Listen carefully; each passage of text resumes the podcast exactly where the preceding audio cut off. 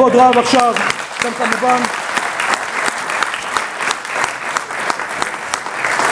שוב פעם כמובן ניתן כרגע, ברוך השם אתם זוכים לשמוע כרגע את גדול, מגדולי מזכי הרבים שהיו לעם ישראל, רבי משיב מעוון, כל מקום שאנחנו יצאנו ללכת ושיעורים, אין שיעור כמעט, בא האדם אומר אני ברוך השם חזרתי בתשובה בזכות הרב מזרחי אני התחלתי לשמור שבת בזכות הרב מזרחי, כל מקום כמעט שאתה הולך, אנשים אומרים וברוך השם ומתחזקים, שהם יזכה אותו, שיאריך ימים, בשנים טובות, בחיים טובים ומאושרים, ביחד עם רעייתו, עם ילדיו בעזרת השם, ויזכה לקבל פני מלך המשיח ויציל את כולנו בעזרת השם לקבל פניו, בקרוב ממש אמן. חזק וברוך רבנו, רבנו היקר, כבוד הרב דיין, מרא דאתרא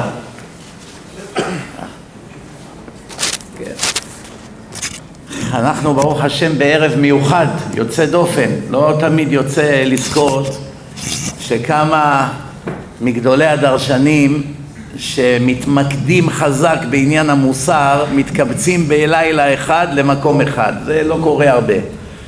אנחנו חיים היום בדור שלדבר מוסר חזק נהפך למילת גנאי יש היום הרבה שמסמנים את אלה שמדברים חזק מוסר כאילו שהם מטרד. אל תזמין אותם, זה לא כדאי, זה לא דרכנו, זה לא הדרך. מצאו שיטה, יש להם איזה פסוק, עליו הם מסתמכים. דרכיה דרכי נועם וכל נתיבותיה שלום. כאילו שאנחנו לא שמענו על הפסוק הזה. ודאי דרכיה דרכי נועם, מה השאלה? צריכים הרבה אהבת השם ונועם ובסבלנות ולאט לאט, הכל אנחנו יודעים, לא, לא נולדנו אתמול.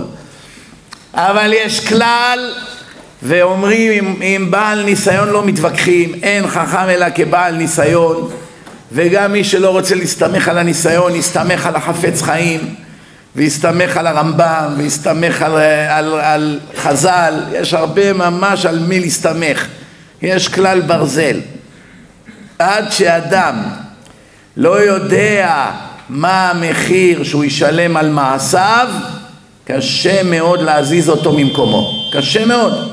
ודאי, הוא מנשק מזוזה, הוא מאמין בהשם, הוא בא לתפילה, הרבה דברים הוא עושה. אבל להבין באמת מהי העבודה בעולם הזה, רוב בני האדם, נכון, יש לכל כלל יוצא מן הכלל, וכבר זכיתי להכיר כמה נשמות מיוחדות שרק על ידי אהבה זכו לחזור בתשובה. יש כמה כאלה, נכון, אבל במציאות אפשר להגיד שאנחנו לפחות מעל 90 אחוז מהציבור בעולם, בכל מקום, עד שלא מבינים למעשיי יהיו השלכות חמורות, לא זזים מילימטר, לא זזים. רש"י מביא בחומש דוגמה מאוד יפה. הוא מביא דוגמה על שני סוגי רופאים. אומר, הרופא הראשון אמר לחולה, אל תשתה קר ואל תהיה במקום קר לך, שמא תחלה. אולי אתה תחלה, תהיה חולה, כן? זה הרופא הראשון. הרופא השני אמר לו בדיוק את אותו דבר, רק הוסיף עוד משפט. שמא תחלה כמו ראובן, שעשה ככה ומת.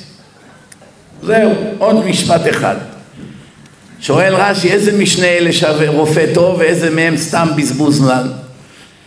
הרופא השני שהוסיף לו עוד משפט והכניס בו יראה, זעזע אותו, כי האדם לא רוצה למות, הכניס לו פחד מהמוות, זה רופא טוב. הרופא הראשון שרק רוצה את הכסף, הנה ככה מרשם ותעוף, זה לא רופא טוב. רופא טוב זה אחד שבאמת רוצה להציל את החולה. ולהציל את החולה אפשר אך ורק כשאומרים לו אם תמשיך בדרכך זה המחיר. וזה אנשים לא מבינים. הם הפכו את זה למילת גנאי. לכן אמרתי בראשית דבריי זכיתם הלילה לכמה דרשנים חזקים מאוד פה שמדברים, אני גאה שיש כאלה צעירים שזה הדור העולה, הדור החדש שבעזרת השם בעשרים שנה הבאות ייתנו פה את הטון זה מה שצריך, העם צריך את הדרשנים האלה, אלה הדרשנים היחידים שיכולים להחזיר כמויות של אנשים בתשובה, כמויות גדולות. נכון, כל חכם וכל דרשן כבודו במקומו מונח, כולנו חייבים בכבודו, כבוד התורה, מה השאלה בכלל? אבל אנחנו כרגע רק מדברים על השיטה, שיטת הקירוב. ותשימו גם לב דבר אחד, בכל המקומות, איך אתה תדע אם דרשן הוא באמת מקרב אנשים להשם, לפי כמה קמים עליו.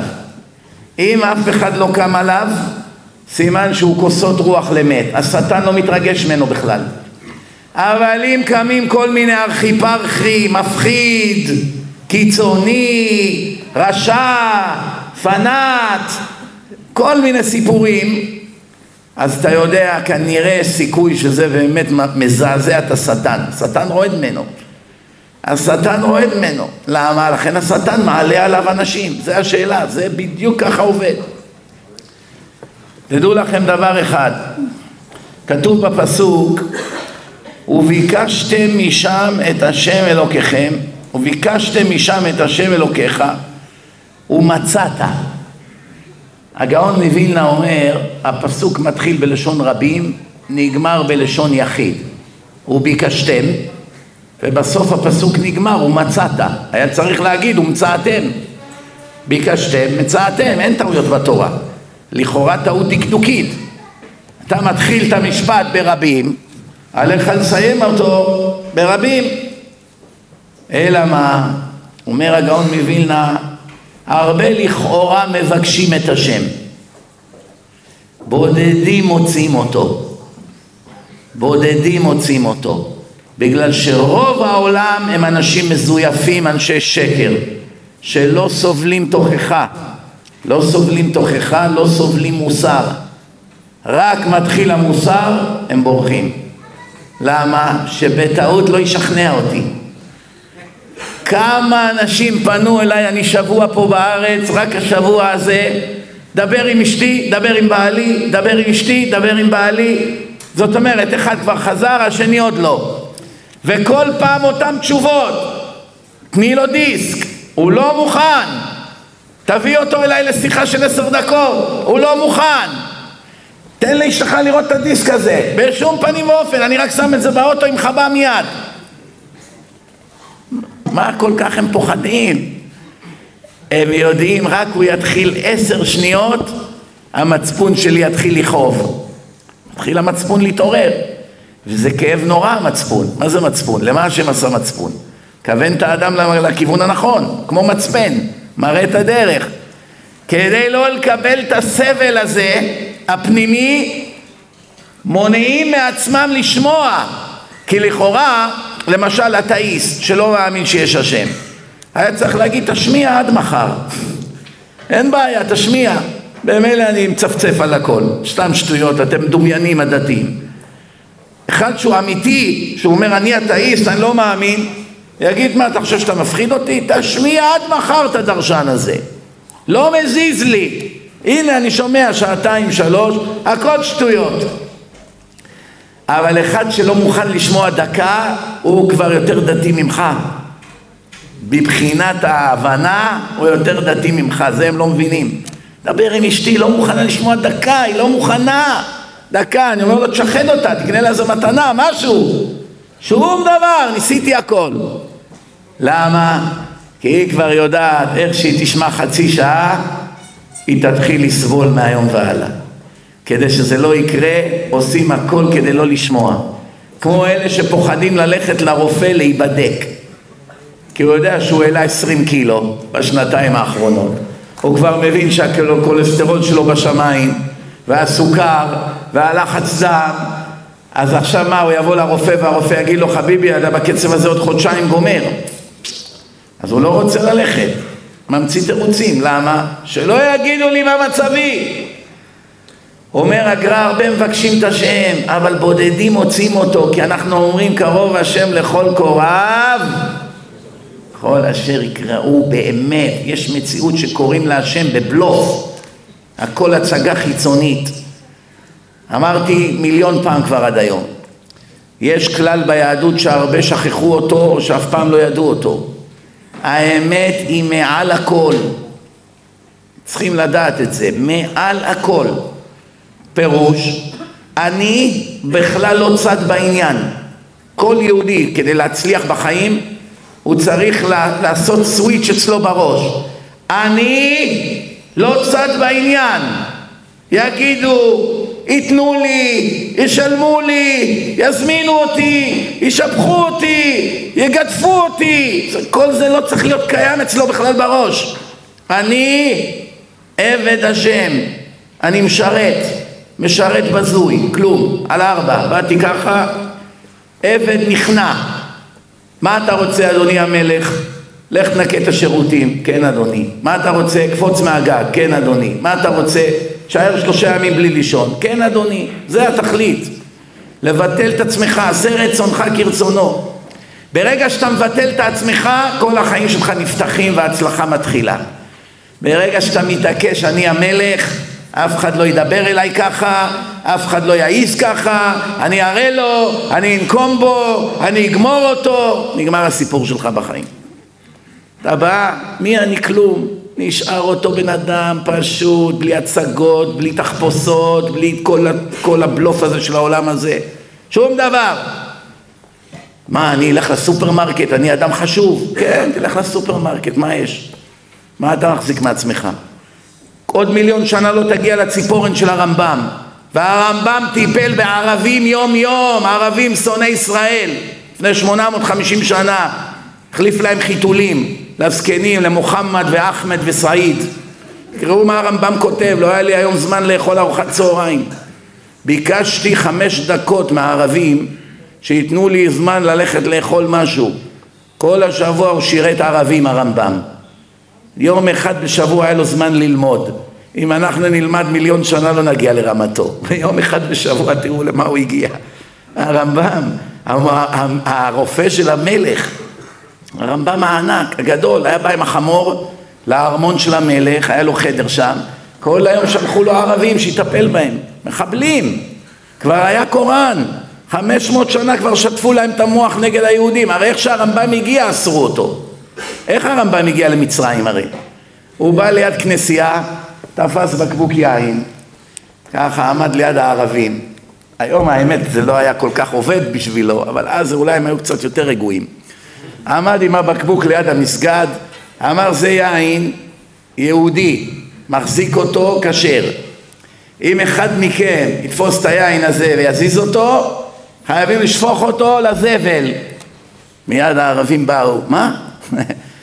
אמר כן, זה יין נסך. תפסו אותו מיד, אז היה משפטים אצל המלך. הביאו את הרמב"ם מיד למלך, אומר לו המלך מי אתה? אומר היום הגעתי באונייה. כבר הגעת, כבר אתה עושה בעיות? אומר לא אדוני המלך, אתה באמת מאמין שאני מתכוון לעשות בעיות? רק הגעתי. אז למה ככה צעקת?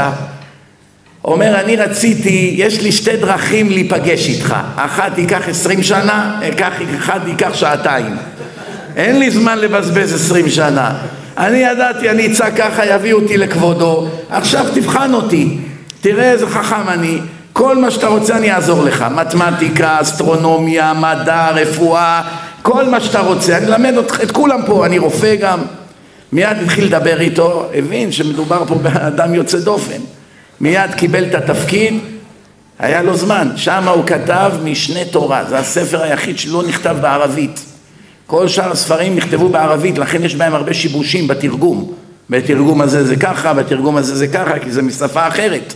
אפשר לתרגם אחרת. וכשמתרגמים משפה לשפה אין כזה דבר שלא יהיו טעויות.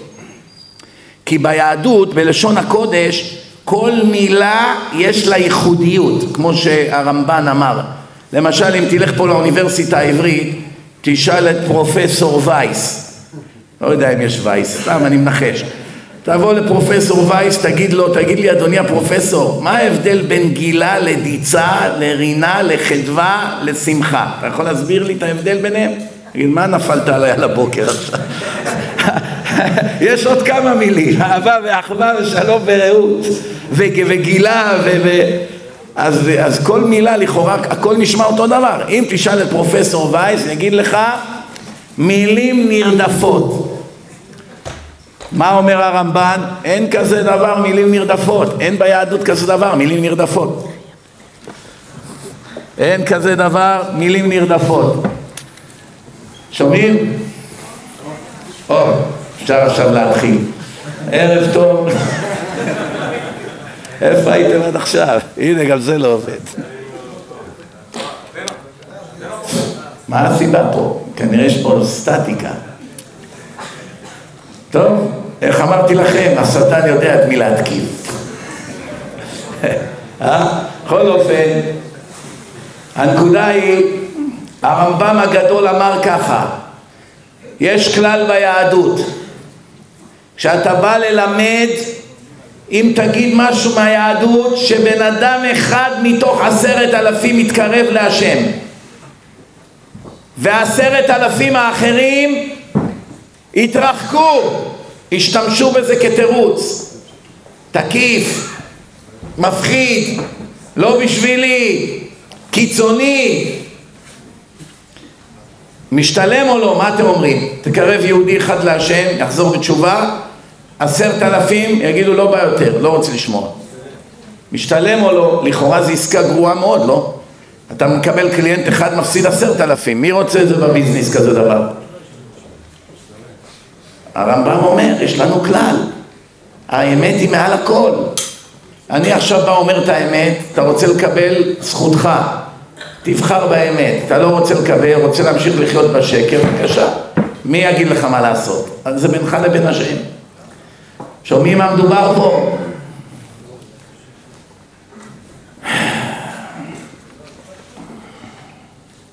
תשמעו טוב. אני אקרא לכם את דברי החזון איש, תשמעו טוב. לפני שאני קורא לכם את דברי החזון איש, אם אני אשאל אתכם, מה בעצם המסך שמבדיל בין האדם לבין הקדוש ברוך הוא? מה אתם אומרים? מכל הדברים שיש בעולם הזה, מהו הדבר שגורם פירוד בין השם לבין האדם, או בין האדם להשם? גורם פירוד. אז אני אגיד לכם כמה אפשרויות. אחד, מידות רעות. קנאה, גאווה, כבוד, כעס, זה אפשרות אחת. אפשרות השנייה, עבירות. חילולי שבת, אכילה טרף, זה גורם הפרדה בין האדם לבין השם. אבל איך בביטוי אחד אפשר לכלול את הכל? דבר אחד שבאמת הוא הסיבה לכל הצרות. גם יראת שמיים, נכון? אבל דבר אחד, מה אתם אומרים? התאוות, תאוות החומר, תאוות טבעיות שהאדם בא איתם לעולם. אדם נולד לעולם, מיד יש לו רשימה ארוכה של תאוות. למשל, תינוק, שלושה ארבעה חודשים יונק, עכשיו אימא שלו מניקה אותו, אז הוא מבסוט, מאושר, נכון? מה יקרה אם אחד האורחים ייקח טיפה קוקה קולה וישים לו בפה? הוא יטעם, מרגע זה והלאה, מה יקרה? הוא לא רוצה יותר חלב אם. הוא רוצה את הקולה, צועק, בוכה, צורח.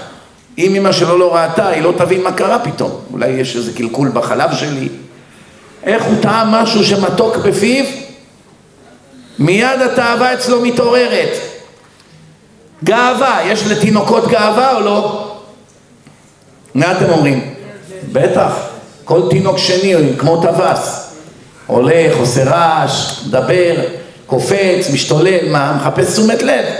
מגיל אפס הוא כבר רוצה להיות על הבמה. זה לא, זה לא איזה חידוש.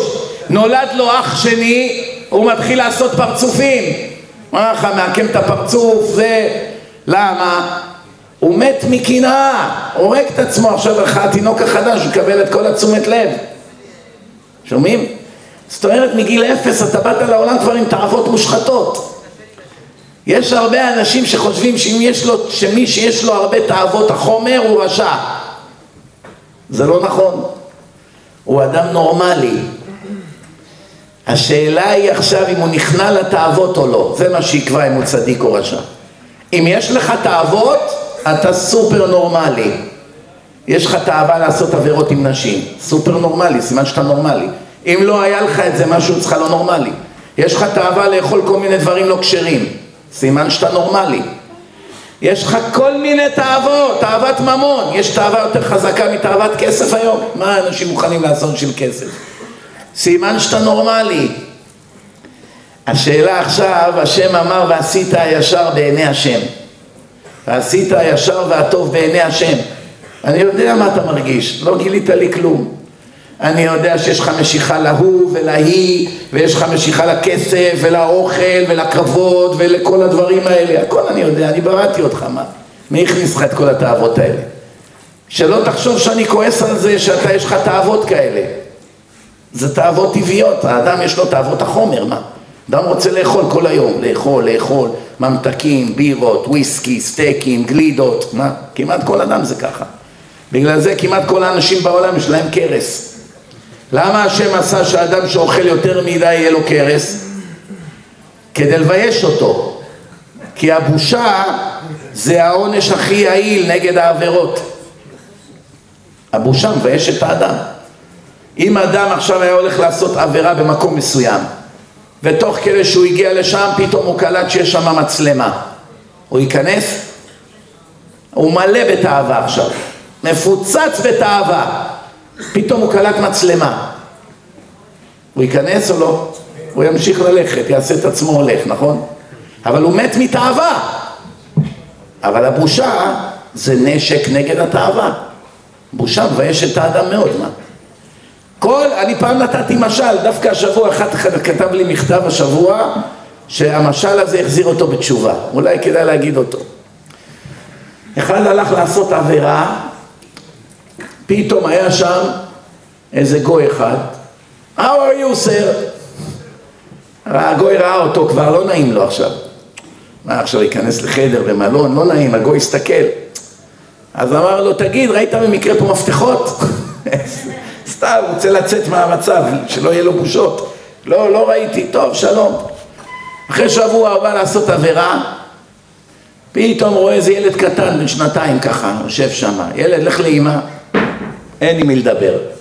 ילד, לך לאימא, הילד מתחיל לבכות. אומר, טוב, נו. אחרי שבוע הוא מגיע, בא לעשות עבירה, יש שם איזה כלבלב קטן, מכוער כזה על המיטה, מסתכל עליו ככה, הוא מנסה לגרש את הכלב מהחדר, הכלב בקריזה, לא רוצה ללכת. אומרת לו הרשעית שמה, מה אתה תכף תגיד לי שאתה גם עושה חשבון לכלב, מה הכלב מבין? אני לא מסוגל, זוג עיניים נועצים בי ככה, אני לא מסוגל לעשות עבירה. זה המשל, ככה היה. יום אחד האדם הזה נפטר, מגיע לשמיים, שלושים, ארבעים שנה עברו מאז. מתחיל הדין, מתחילים להראות לו איך הוא זחל על השטיח, יום של הבר מצווה, את הנאום שהוא נתן, הכל. את הדודה הזאת ואת הדוד הזה ובית ספר והכל הוא רואה. את היום שהוא התחיל להתחזק, טוב. מגיעים לאותו יום של העבירה. מראים לו עכשיו את כל הציור, והוא כבר בשמיים, הוא מת מבושה כבר, על עצם זה שהוא לא עשה בסוף את העבירה. אבל עצם זה שהוא כבר תכנן, כבר זה בושה נוראית, כי שם זה עולם האמת. עולם האמת שם. אז הוא עומד עכשיו בשמיים, ככה מסתכל על הסרט, ואומר, יואו, איזה בושות, תכף יהיה. אני תכף נכנס לשם וזה. הוא אומר, הורג את עצמו. והוא מת מבושות, סבא שלו הקדוש, סבא של סבא שלו, פתאום מתברר לו שהוא בכלל נכד של הרמב"ם. הרמב"ם שם מסתכל, אומר, זה נכד שלי, תראה איך הוא מתנהג. פתאום רש"י יבוא, יגיד, זה נכד שלי. פתאום יבוא, אני יודע מה, כל גדולי עולם. בושה נוראית. אדם מסתכל עכשיו על המעורר, עכשיו מה, אני נכד של רש"י, ויואו, תכף יראו עכשיו את הבושות האלה, הורג את עצמו. בושה נוראית. אחרי שהם מראים לו את כל הציור, הקדוש ברוך הוא שואל אותו שאלה אחת, תגיד לי, מה גרם שלא עשית פה את העבירה? כלב. ואני יותר גרוע בעיניך מכלב? אני לא נחשב. מכלב התביישת ועליי אתה מצפצף ולא רק יום אחד, שבעים שנה צפצפת עליי. נתתי לך חמצן, מים, אוכל, אישה, ילדים, בריאות, כסף. מקום לגור. חייב אני לך משהו? יכולתי לזרוק אותך באוגנדה להיות איזה משרת שם, צחצח נעליים. כל היום מקבל בעיטות ויריקות.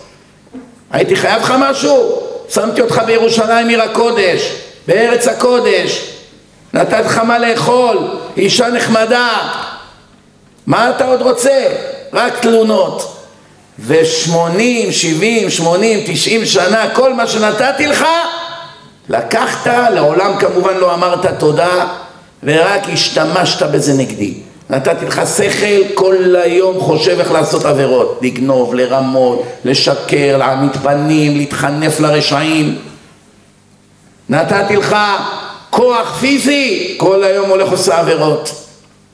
נתתי לך כסף, קונה טלוויזיות, קונה כל מיני דברים, מסתכל דברים באינטרנט, לא היה לך כסף, לא היה לך את כל הצעצועים האלה.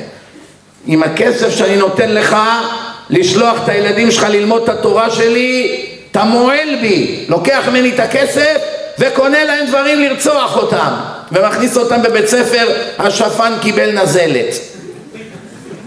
זה מה שילמדו אותם, כל הבתי ספר המטופשים האלה פה.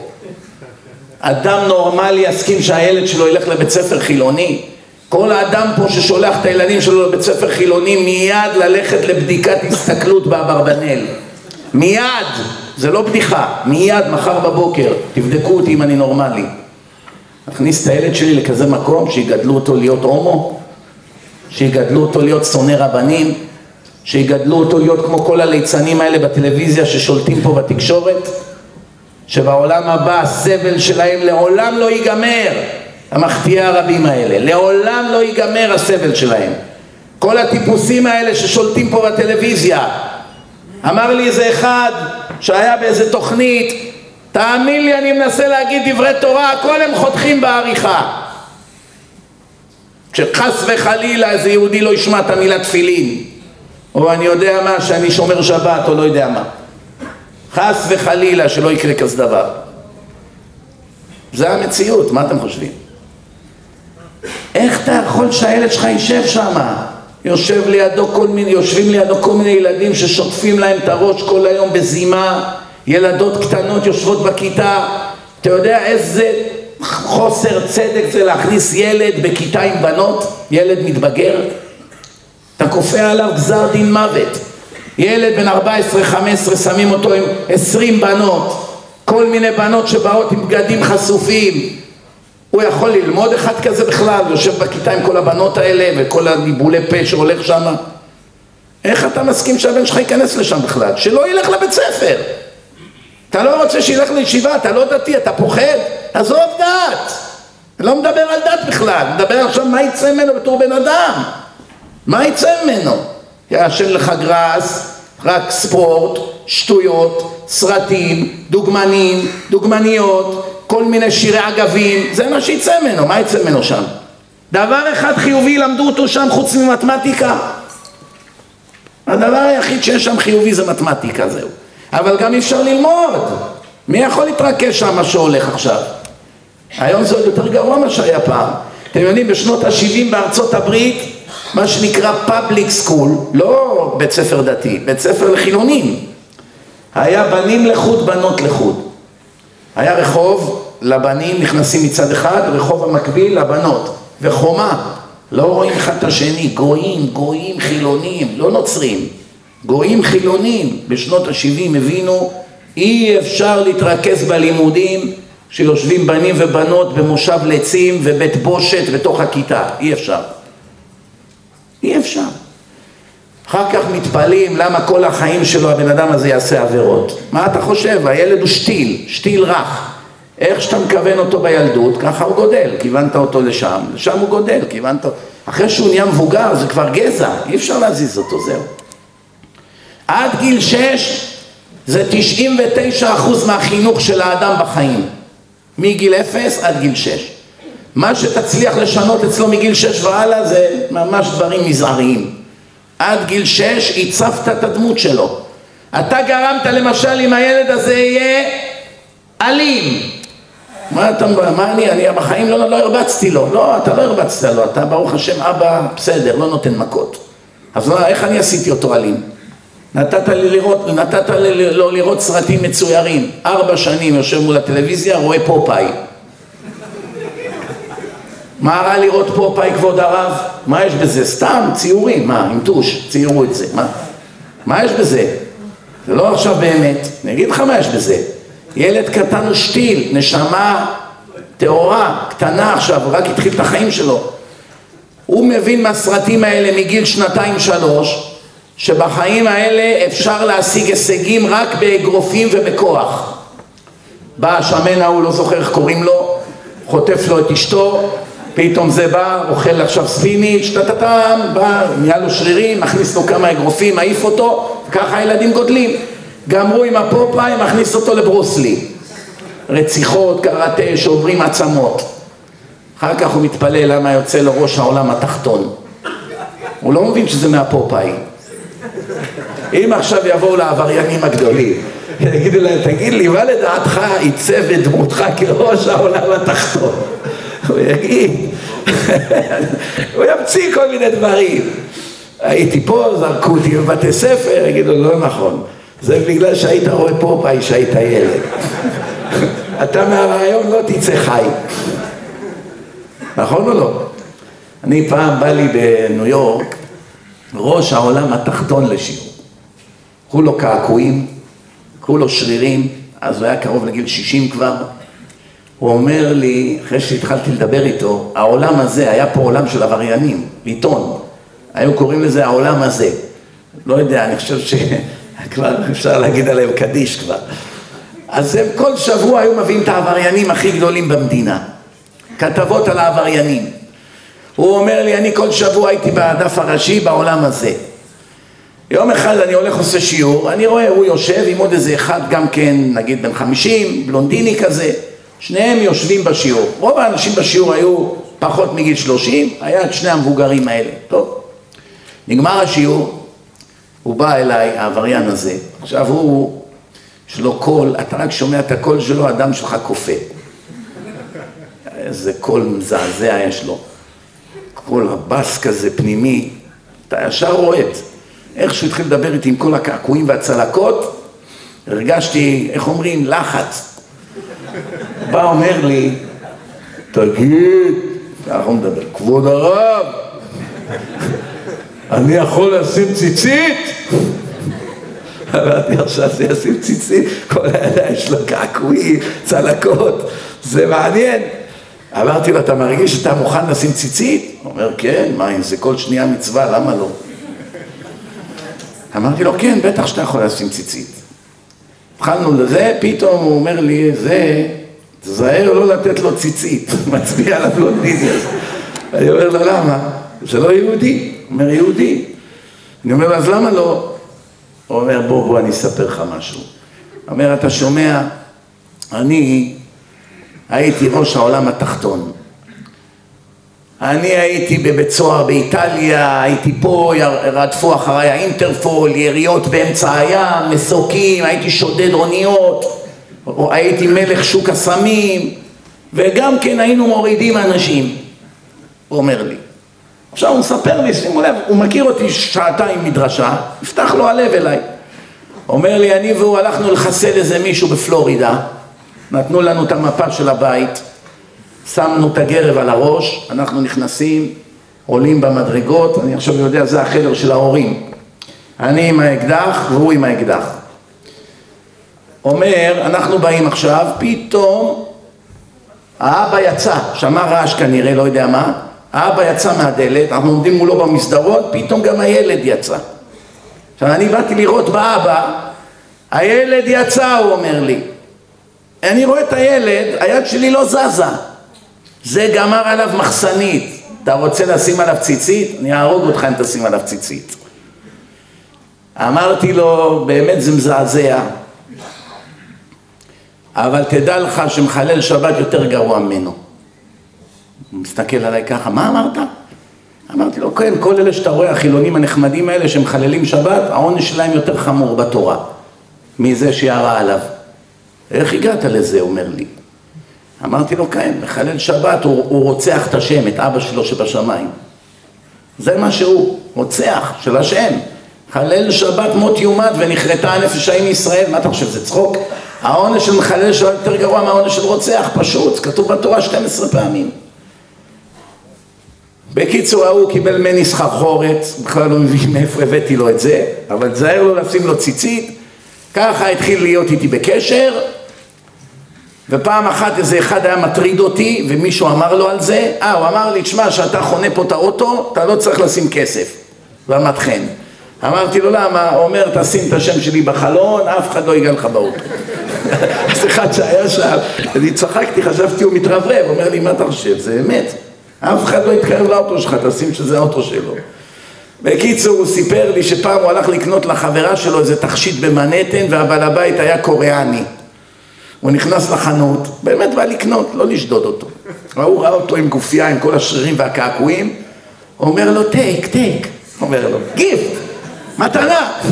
אומר לו, much? אומר לו, for you. קח לך שני שרשראות על חשבוני ולך לטייל. אומר לו, אומר לו, אתה רציני? אומר, yes, yes, no problem, no payment, go, go. קיצור, אוהדים ממנו. הייתם מאמינים שזה נהיה צדיק יסוד עולם? עוד הוא לוי גם. ארבע וחצי בבוקר במקווה, חמש וחצי בשחרית, עליית לוי, ברכו את השם המבורך, עשרים בלוקים בברוקלין. יום אחד אני יושב איתו, הוא מקבל טלפון מהארץ. מי בקרב הטלפון? עוד מאפיונר, אלפרון. אומר לו, תשמע, שמעתי שאתה כועס עליי, ה-17 אלף דולר שאני חייב לך עוד היום יהיה אצלך, לפני ארבע. אני עכשיו שולח שליח. לא מתאים שאישרת לי הודעה שאתה לא רוצה את הכסף. במילים אחרות הלך עליו. אל תיתן את הכסף, לא רוצה. אומר לו, לא, לא, לא, אני לא רוצה את הכסף. אומר לו, די, נו. אני עכשיו שולח לך, היה פה אי הבנה, עיכובים. עוד היום, אם זה לא מגיע עד ארבע, אומר לו, תשמע, לא רוצה את הכסף הזה, זה כסף מלוכלך. חזרתי בתשובה. הוא התחיל, מה?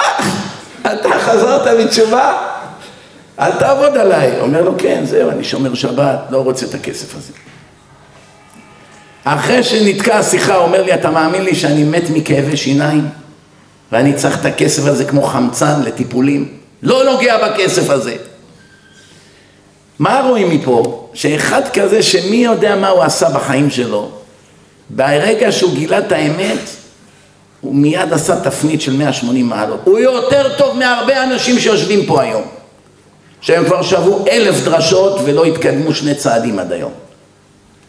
אה, נכון, הם לא רצחו, הם לא מכרו סמים, הם לא... נכון, ברור, בעבר ודאי. אבל מהרגע שהבן אדם הזה הבין שהוא חלאת המין האנושי בעיני השם, הוא לא נשאר עוד שבוע בשטויות. במקום הוא השתנה, בשיעור אחד. בשיעור אחד הוא התהפך הבן אדם. יום אחד עשה לי איזה אחד צרות, הוא טילפן אליו, אתם יודעים, אצל האנשים האלה הכל נסגר בשתי דקות. אם אתה לא יורד ממזרחי, אני בא לטגן אותך עוד היום במחבת. אני לא שוכח את המילים שלו. אני בא לתג... אני מטגן אותך במחבת, או אולי אני אטביע אותך במקווה. ההוא נהפך לחבר הכי טוב שלי ברגע. תלמידי חכמים מרבים שלום בעולם. בשנייה עשה בינינו שלום. הבנתם? בקיצור רבותיי, בין כל צחוק לצחוק, בואו נהיה רציניים רגע. בן אדם קודם כל צריך לרדוף אחרי המוסר, לא לברוח מהמוסר. כל הזמן אני אומר, כל אדם מתקשר לסוג אחד של דרשן או שניים, אלה הדרשנים שאתה נהנה לשמוע אותם. כל אחד והטעם שלו, זה עניינים, זה כמו בזמרים, זה אוהב את הזמר הזה, זה את הזמר הזה, זה עניין של טעם. אבל דבר אחד אי אפשר להתפשר עליו, אי אפשר. חובה שהדרשן הזה שבחרת יהיה אדם שנותן מוסר בדרשות שלו ומזעזע לך את הלב. אם לא, זה בזבוז זמן נטו. נטו. אתה לא מתקדם בכלום. עשרים שנה, הייתי עכשיו באירופה, לפני כמה שבועות, דיברתי שם במוצאי שבת, היו שם חצי מהקהל מחללי שבת שבאים לבית הכנסת עם אוטו. נכנסתי בהם חזק, איך שנגמרה הדרשה, אחד מהאנשים שם, הוא מאוד לקח ללב. שאמרתי שמחלל שבת בעיני השם זה עונש יותר גרוע מרוצח, זה הרג אותו. מה, אני בא לבית כנסת כל שבת בגלל שאני בא באוטו, הוא קורא לי שאני יותר גרוע מרוצח? זה הזיז לו, הפריע לו. הוא בא שם אל הרב, הרב של המקום. אומר לו, כבוד הרב, מאיפה הבאת את המשוגע הזה? תראה מה הוא אומר. עכשיו הרב שמה, אמנם היה עדין נפש, אבל לפחות היה איש אמת. אמר לו, מה נעשה שמה שהוא אומר כתוב בגמרא? בוא אני אראה לך. הביא לו את הגמרא, יראה לו מה שכתוב בגמרא. ההוא היה ככה, אומר לו, אז למה לא אמרת לי, אני שבע שנים בא לפה כל שבת עם אוטו? אומר לו, אני השיטה שלי היא אחרת. אז הוא אומר לו, אתה אשם, שבע שנים אני מחלל שבת באשמתך. אם היית אומר לי את מה שהוא אמר לי לפני שבע שנים, במקום הייתי נהיה שומר שבת. אני לא חשבתי שזה חמור בכלל. שבע שנים הבן אדם יבוא לבית הכנסת ולא יגיד לו כלום. למה? נוח לו. עוד אנשים נותנים כסף, מה אכפת לי? איך אתה יכול לישון בלילה? מה? אנשים עכשיו טובעים לנגד עיניך באמצע הים, טובעים לנגד עיניך. אתה יכול למשוך אותם, להרים אותם לאונייה, אתה נותן להם לטבוע? בגלל שאתה פוחד? מה אתה פוחד? ממה אתה פוחד? שיגידו שאתה קיצוני? שטויות, טיפשות. כואב הלב, בורות. תשמעו את דברי החזון איש.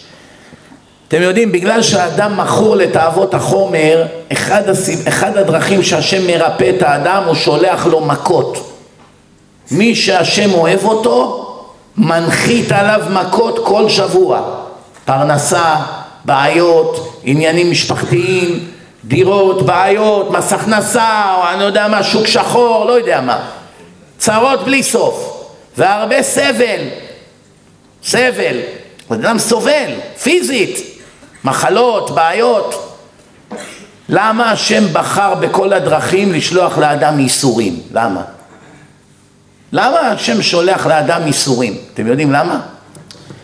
ברגע שאדם מקבל את המכה, זה הורג במקום את תאוות החומר. על המקום זה הורג לך תאוות החומר, אני אתן לכם דוגמה. אדם עכשיו מגיע עם החברה שלו למסעדת פאר בתל אביב. אלף דולר בלילה הוא הולך לשפוך שם, בקבוק יין, הגיעו הסטייקים, כל מיני עניינים, איך אומרים? בא לעשות רושם. מבסוט, איך שהוא חותך את הסטייק, טלפון מהרואה חשבון שלו. מרים את הטלפון, איציק, לא איש בשורות אנוכי. מה קרה? פנו אליי עכשיו ממס הכנסה, גילו שעשית את העסקה ההיא, מבקשים ממך עכשיו מיליון דולר קנס, תובעים אותך. הוא מתמוטט על המקום. עכשיו שהוא שמע את המכה הזאת, מה אתם אומרים יהיה בגורלו של הסטייק? 300 דולר סטייק. יאכל את הסטייק, ישתה את היין האדום, אה, עשה על הבחורה רושם עם היין, עושה לה ככה, מסובב לה את הכוס, מריח, או. איך הם קוראים לזה? קברנט, יש כל מיני שמות יש להם.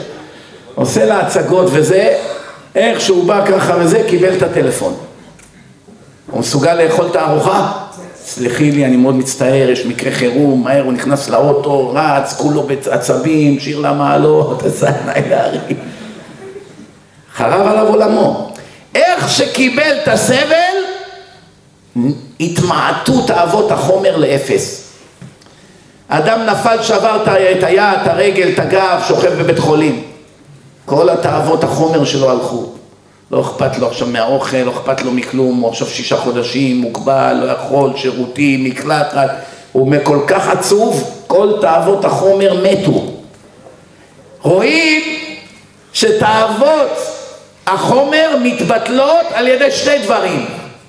אחד, סבל בגוף, סבל פיזי, ויש עוד דרך. מי יודע מה הדרך השנייה?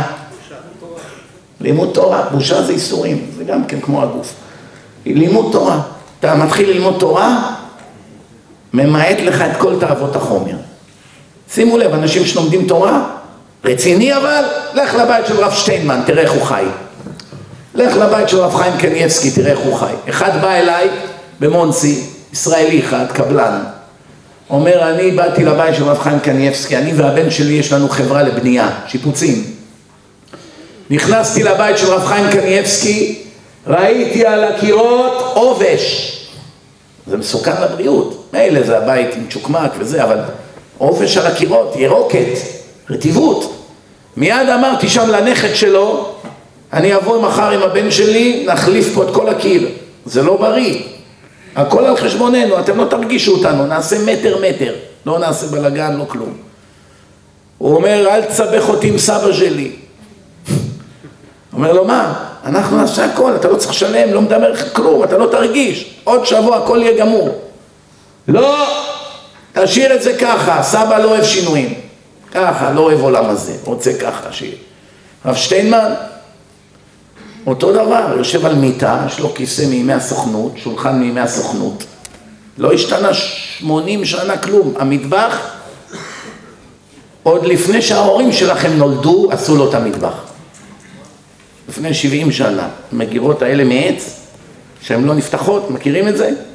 אתם לא מכירים, רובכם פה צעירים. לא נפתח, התחננו אליו העשירים, תן לשפץ את המטבח לפחות. נשים קצת תנורים נורמליים, ארונות נורמליים, כיור נורמלי, רצפה, לא מוכנים. לא באנו לעולם הזה בשביל פה. רואים שמי שעמוק כל החיים שלו בתורה, הוא מבין שהעולם הזה זה הבל הבלים. והנה פה במדינה שלושת רבעי מהאנשים במינוס. למה? עיניים גדולות. נכון שהמשכורות פה זה משכורות רעב והדברים פה יקרים מאוד, הכל פה במחירים של ניו יורק. אין פה חוכמות בכלל. אתה בא לסופרמרקט, מחירים של ניו יורק. מסעדה, מחירים של ניו יורק. משכורות רבע מניו יורק. כן, קשה מאוד לשרוד, נכון, מאה אחוז מודה. אף על פי כן, גם אנשים שהתמזל מזלם ומרוויחים משכורות שמנות, גם כן במינוסים. עיניים גדולות, לא יכולים, כל הזמן רוצים עוד ועוד. אז בואו תראו מה אומר החזון איש, שמעו אני אקרא לכם. זה גדול עולם זה. אם יזכה אדם להרגיש את הרע והנמאס, יש רע ויש מאוס, בהיעדר ידיעת התורה. רוב האנשים שלא לומדים תורה, שבעים שנה חיים פה, שמונים שנה, פעם אחת לא עצרו לבכות. אני בור ועם הארץ לא יודע לקרוא דף אחד גמרא. אף אחד, אף חילוני לא עוצר לבכות על הגמרא שהוא לא יודע. להפך, הוא מסתכל בזה תעודת עניות אם הוא ידע גמרא. להפך. אז ודאי שחילוני לא יישב לבכות שהוא לא יודע גמרא, כן? זה לא מזיז לו בכלל. אבל נגיד אחד שהוא בעל תשובה, חזר בתשובה, התחיל לשמור שבת, בא לבית הכנסת, הוא עדיין לא לומד, הוא לא לומד רציני. עברו עשר, עשרים שנה מאז שהוא חזר בתשובה, הוא גם כן לא יכול ללמוד דף אחד גמרא, הוא אף פעם לא בא ללמוד. אז רוב החיים שלו עוברים ככה כצל. למה? הוא לא מרגיש ברע ובנמאס שאני בור ועם הארץ, שאני לא יודע תורה כלום. הוא לא מבין מה חשיבות התורה. לכן כשהוא לא יודע תורה זה לא מזיז לו. הוא מתעסק בהרבה דברים מסביב, אבל בתורה הוא לא נוגע כמעט. שימו לב מה הוא אומר.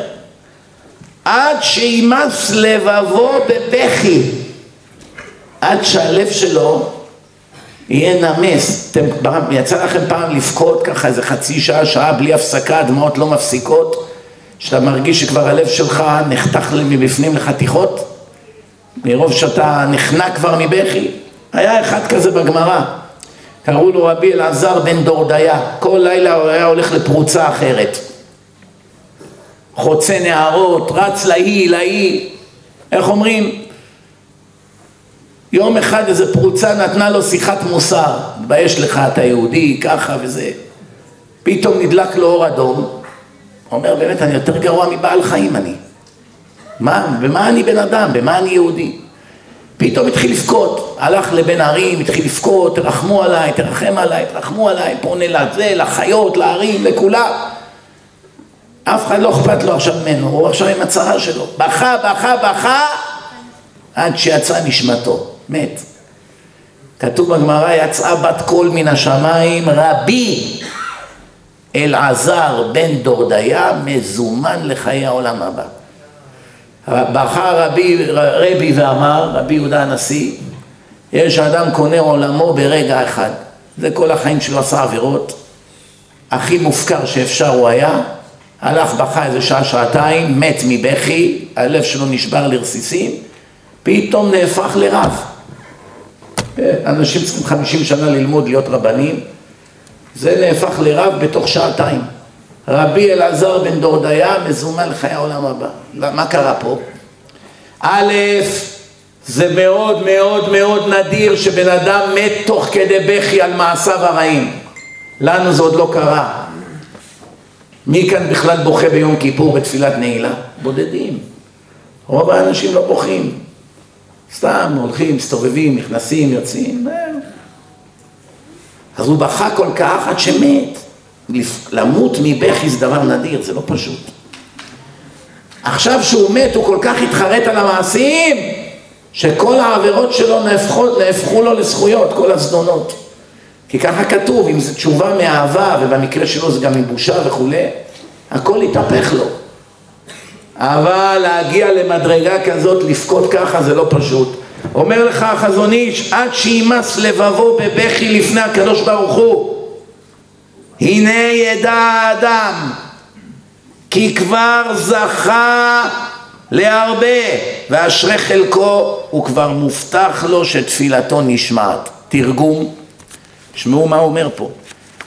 אם אתה יום אחד עוצר רגע מחיי ההבל שלך, מכל הדמיונות, מכל החברים המזויפים, מכל הרדיפת ממון, ואתה יושב עכשיו לבד בחדר או בסלון ונוסלות לך דמעות. ועל מה אתה בוכה? לא על זה שהפסדת כסף, או שחקרו אותך, או שלקחו לך, או שהבנק עושה לך צרות, או שזה אחד גנב לך, לא על זה. על זה כבר בכית מספיק על השטויות. עכשיו אתה בוכה נטו, איזה אפס אני. ככה זהו, עובר לך בראש עכשיו המחשבות, איזה אפס אני. עשרים שנה חזרתי בתשובה, אני לא יודע ללמוד סוגיה אחת בגמרא אפילו. אני לא יכול לפתוח בשולחן ערוך למצוא דבר אחד, אני חושב, תגיד לי, איך, איפה כתוב זה וזה, אני לא יודע. תשאל אותי איפה זה ברמב"ם, אני לא יודע. תגיד לי עכשיו בישיבה, לך תביא רמב"ם, אני לא יודע למצוא. אני לא יודע. אני לא יודע איפה זה בשולחן ערוך. אפילו ילקוט יוסף אני לא יודע איפה זה, כלום, שום דבר. הקצת שאני יודע זה מכמה דיסקים, זהו. שום דבר אני לא יודע. וה, והמלאכה היא מכאן עד סוף העולם. אתה יודע כמה תורה, תורה רחבה מן הים. פתאום הבן אדם, 30, 40, 50, יושב עכשיו והוא בוכה לעצמו, אומר, תראה, מה עסקתי בעולם? כלום. כמו בעל חיים אני. אני הכרתי אישה, גם הקוף מכיר אישה. מה, לקוף אין אישה? יש לך ילדים, גם לקוף יש גורים. אתה אוכל טוב, הקוף אוכל גם כן טוב. אתה עושה ספורט, הקוף גם עושה ספורט. כל מה שיש לך בעצם היום, הקוף יש לו גם. אז במה אתה עדיף עליו?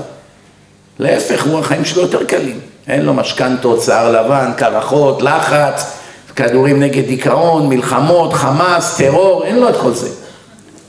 מסתובב לו בספארי, קופץ, מבסוט, עושה סלטות על החבלים. אחלה, לא? דוגרי, יש סיבה למה חילוני ירצה להישאר הוא ולא להיות הקוף בספארי?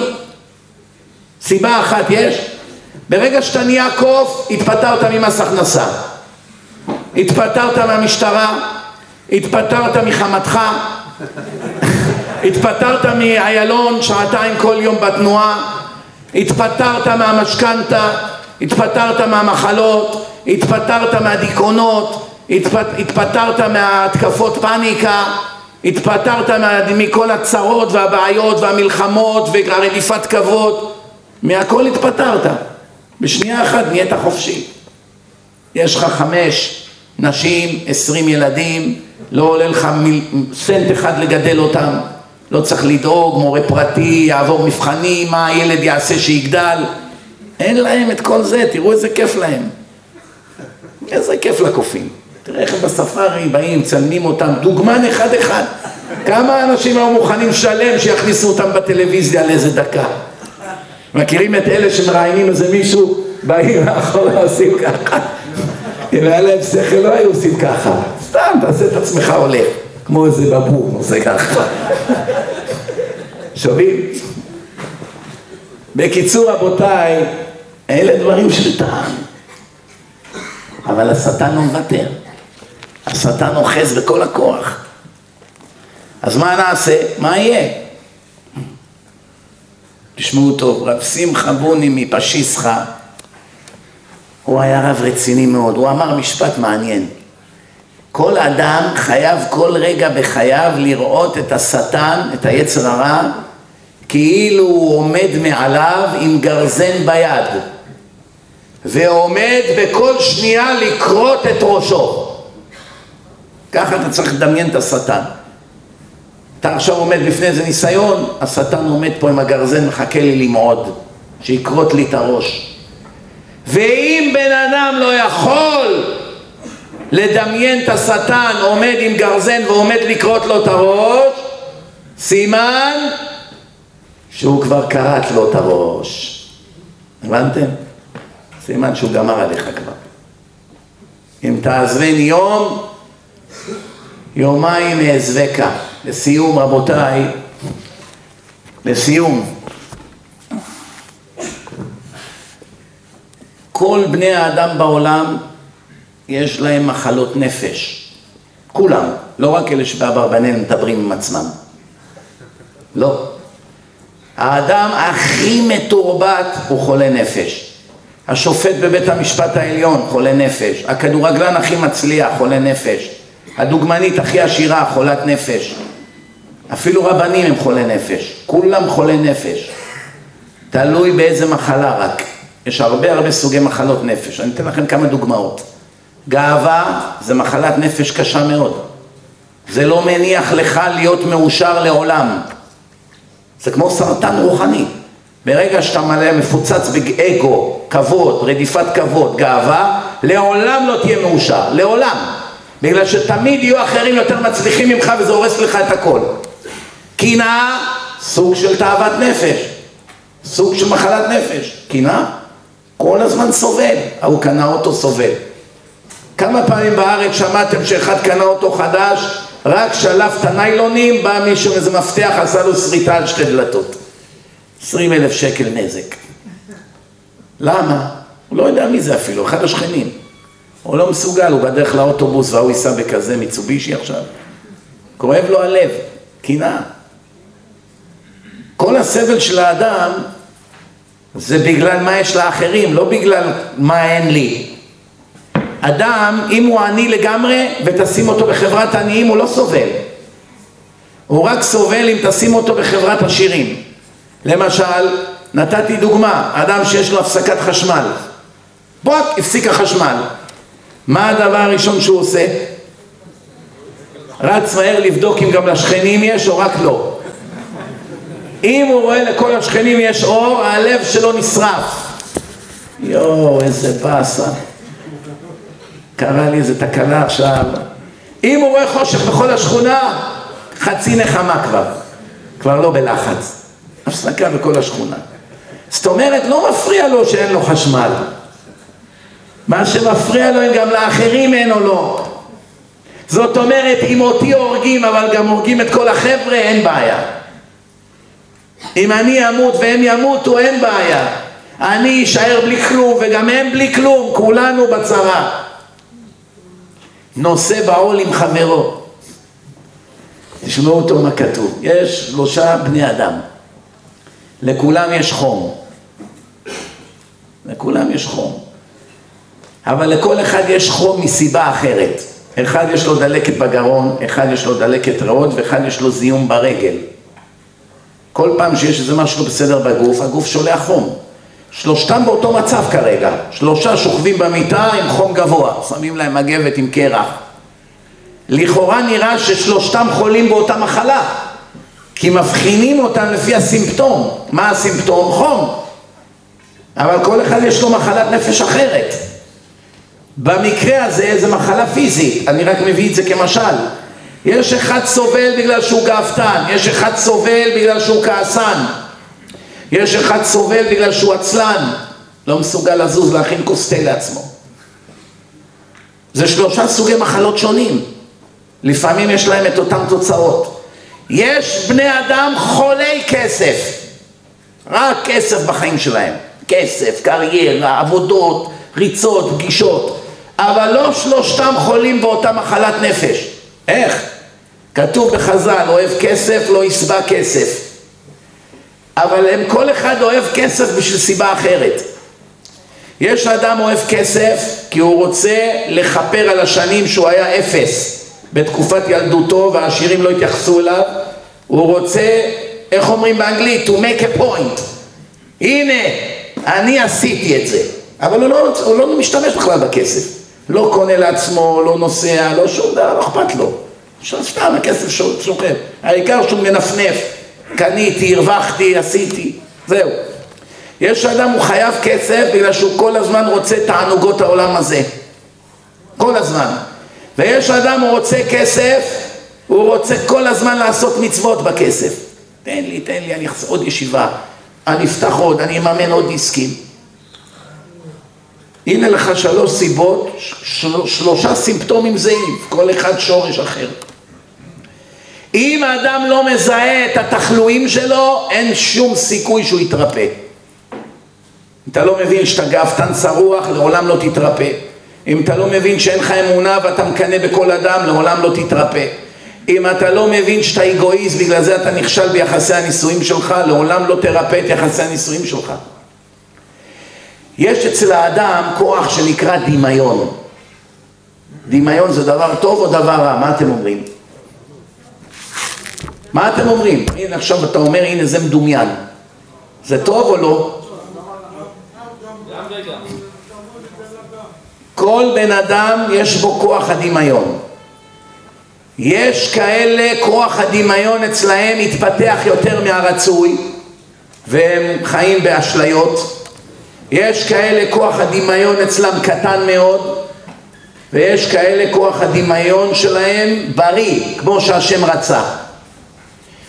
כשאתה רואה בן אדם שבא אומר לך אני נוסע עכשיו ליפן עוד שנה אני אהיה מיליונר, אני רוצה לקנות, אני אעשה... כמה אנשים תוך שנה נהיים מיליונרים? רואים שהכוח הדמיון שלו יותר מדי מפותח. אני עכשיו אלך ללמוד גיטרה, בעוד שנה אני רוצה להיות בלהקה של ההוא, וחביבי, עשרים שנה אנשים מתאמנים, מה אתה בשנה רוצה להגיע לפסגה? רואים שהמציאות שלו, הוא מפתח ציפיות שלא על פי הדמיון הבריא. ולפעמים זה הפוך, לפעמים הבן אדם, הדמיון אצלו שלילי, הוא באמת כישרוני, אבל הוא מדמיין שהוא אפס, אין שום סיכוי. מה אתה אחלה בלימוד, איזה גדול אתה, תמשיך ככה תהיה גדול, אה, מי אני, מה פתאום. בגלל שהוא לא נותן לעצמו תקווה, הוא מוותר על המשימה מראש. גם זה השם עשה, אדם צריך שיהיה לו תעופה, קצת לדמיין קצת, אם לא הוא לא מתקדם בחיים. משפט אחרון להיום רבותיי, קודם כל אני רוצה להודיע הודעה לפני שאני אשכח. יש לנו סמינר ב-19 בינואר, זה עוד אה, שבועיים פלוס, במלון אה, בנתניה פה. הרב יגאל כהן, גם כן אחד מהדרשנים החזקים וצדיק, תלמיד חכם, למדנו ביחד בישיבה במונסי לפני מעל עשרים שנה. הוא היום מהרבנים החשובים פה. הרב יגאל כהן ואני, סמינר מיום חמישי עד מוצאי שבת. מי שאין לו כסף, יממנו לו. תתקשרו בבקשה לשחר שמאי, 054-842-0242.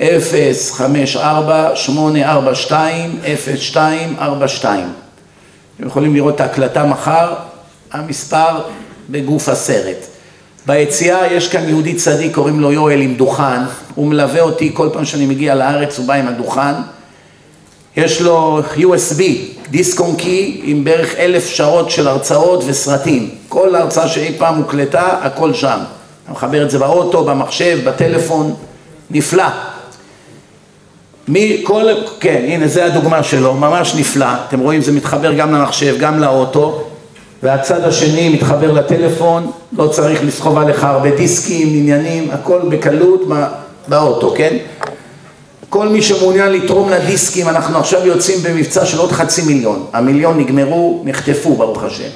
עשו כאן אלפים רבים של בעלי תשובה ושומרי שבת חדשים. אין ברירה, מבקשים מאיתנו דיסקים כל יום, אין דיסקים, נגמרו הדיסקים.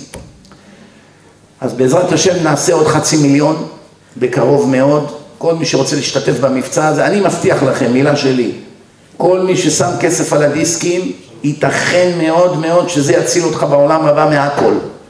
בגלל שאין מציאות כזאת, אם אדם נתן 100 או 200 שקלים, שלא יחזור מזה לפחות יהודי אחד בתשובה. אין מציאות כזאת, זה מאות דיסקים. אין, אתה, אני, אני רואה בעיניים שלי, אני נותן לעשרה אנשים דיסקים, שניים, שלושה מהם חוזרים אליי, אומרים איך מתחילים לשמור שבת? זה מספרים עצומים. אז אם מ-200 איש שקיבלו דיסק, או 300 או 400, אחד ודאי יחזור בתשובה, יתחיל להניח תפילין, יאכל כשר, יתחיל לבוא לשיעורים קצת, הנה לך, קנית את עולמך, הזוהר אומר 70 שנה איסורים, זוהר פרשת תרומה, 70 שנה איסורים לרדוף אחרי בן אדם אחד יהודי להציל את נשמתו שווה לך. 70 שנה איסורים, רצת, הרגת, קנית אותו בכסף, שילמת עליו, קנית לו בית, אוטו, רק שיחזור בתשובה, וחזר בתשובה. ואין לך כלום חוץ מזה, זהו. שווה לך היה. הצלחת בגדול. אז כיוון שקשה מאוד להיות שומר מצוות, בדור כזה פרוץ, אינטרנט, חוסר צניעות, בעיות, פוליטיקה, מה לא? יש, השם נתן לנו, איך אומרים, קיצורי דרך. אתה יכול לקנות מיליוני זכויות בכמה שקלים. תחשבו איזה השקעה קטנה שהיא יכולה להציל נשמות, בן אדם שמחזיר להשם את בניו, אתם יודעים מה זה? עכשיו שהיה אחד אבוד מחלל שבת, הרי הוא כגוי, פתאום נהיה שומר שבת, מכין את הבית לשבת, בא לבית הכנסת עם הילדים, מכניס אותם בישיבה, וזה כל זה מהכסף שלך? אין, אין מי שמתקרב אליך בעולם הבא, תדעו לכם את זה, זה לא עכשיו איזה נאום מכירה פה, זה אמת לאמיתה, זה הכל כתוב בחובות הלבבות, זה כתוב בכל דברי רבותינו, הזוהר הפליג בזה. חובת הלבבות, רבנו בחיי אומר שאדם שבזכותו יהודים חוזרים בתשובה הוא גדול ממעלת הנביאים. הנביאים המושלמים. ישעיה, ירמיה, עמוס, חגי, יואל, כל הנביאים האלה שהשם דיבר איתם, שהם היו מושלמים במידות ובעלי מעלה, אחד שמחזיר את בניו של השם אליו, גדול מבחינת זכויות מהנביא. אז מה אתה רוצה יותר מזה? בחולון אפשר לעבור את הנביא ישעיה? מסתבר שכן, חובות הלבבות אומר שאם אתה תחזיר יהודים בתשובה בכל דרך שהיא, על ידי שאתה מדבר, על ידי שאתה כותב, על ידי שאתה מפרסם כל מיני דברי תורה בקבוצות, לא יודע מה, או על ידי שאתה תורם כסף, כל דרך שהיא, כל דרך כשרה, להחזיר יהודים בתשובה, או בכסף, או בלדבר, או בלתקתק, או בלהסיע אנשים, רבנים, או בלצלם ולהעלות את זה. עכשיו אתם יודעים, כל ההרצאה שאנחנו עושים, אנחנו משדרים אותה בשידור ישיר. אתמול היה לנו 98 אלף תפוצה, שלשום 131 אלף, מדינה כזאת קטנה, איפה יש כאלה מספרים? כבר מתקרבים למיליון צפיות בפחות משבוע. מישהו עושה את זה, חכם.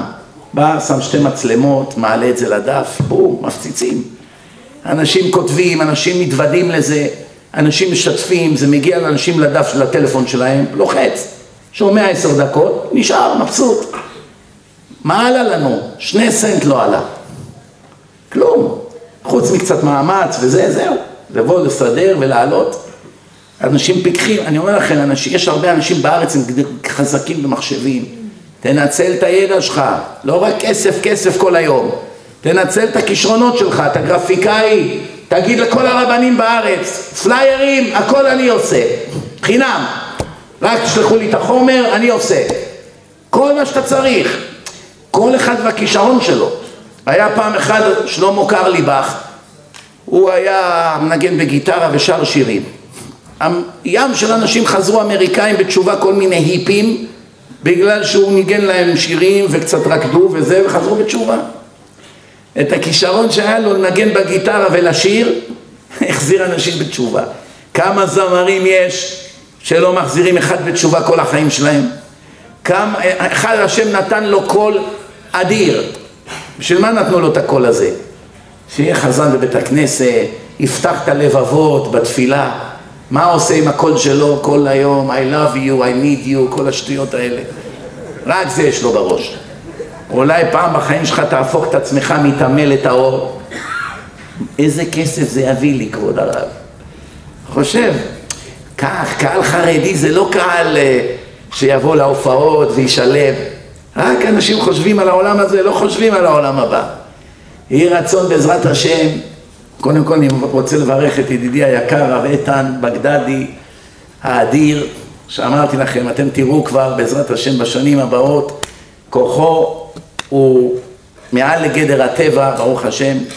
אני מכיר גם טוב את המשפחה, בעזרת השם, שיפרצו מעיינותיו לכל קצוות תבל, שיזכה לקרב כמה שיותר יהודים בתשובה, גם ידידי היקר הרב רונן שאולוב שהיה פה קודם, תודה רבה לשי והרנג היקר ולבול פגיעה שהם ככה מאחורי הקלעים טורחים המון כדי לארגן את האירועים ולזכות הרבים באינטרנט. בעזרת השם ניפגש שוב, יש עוד הרצאות בשבועיים הקרובים, תעקבו אחרי הלו"ז. ברוך אדוני לעולם, אמן ואמן. רבי חנניה בן הקשיא אומר, רצה הקדוש ברוך הוא לזכות ישראל לפיכך הרבה להם תורה ומצוות שנאמר אדוני חפץ למען צדקו יגדיל תורה ויאדיר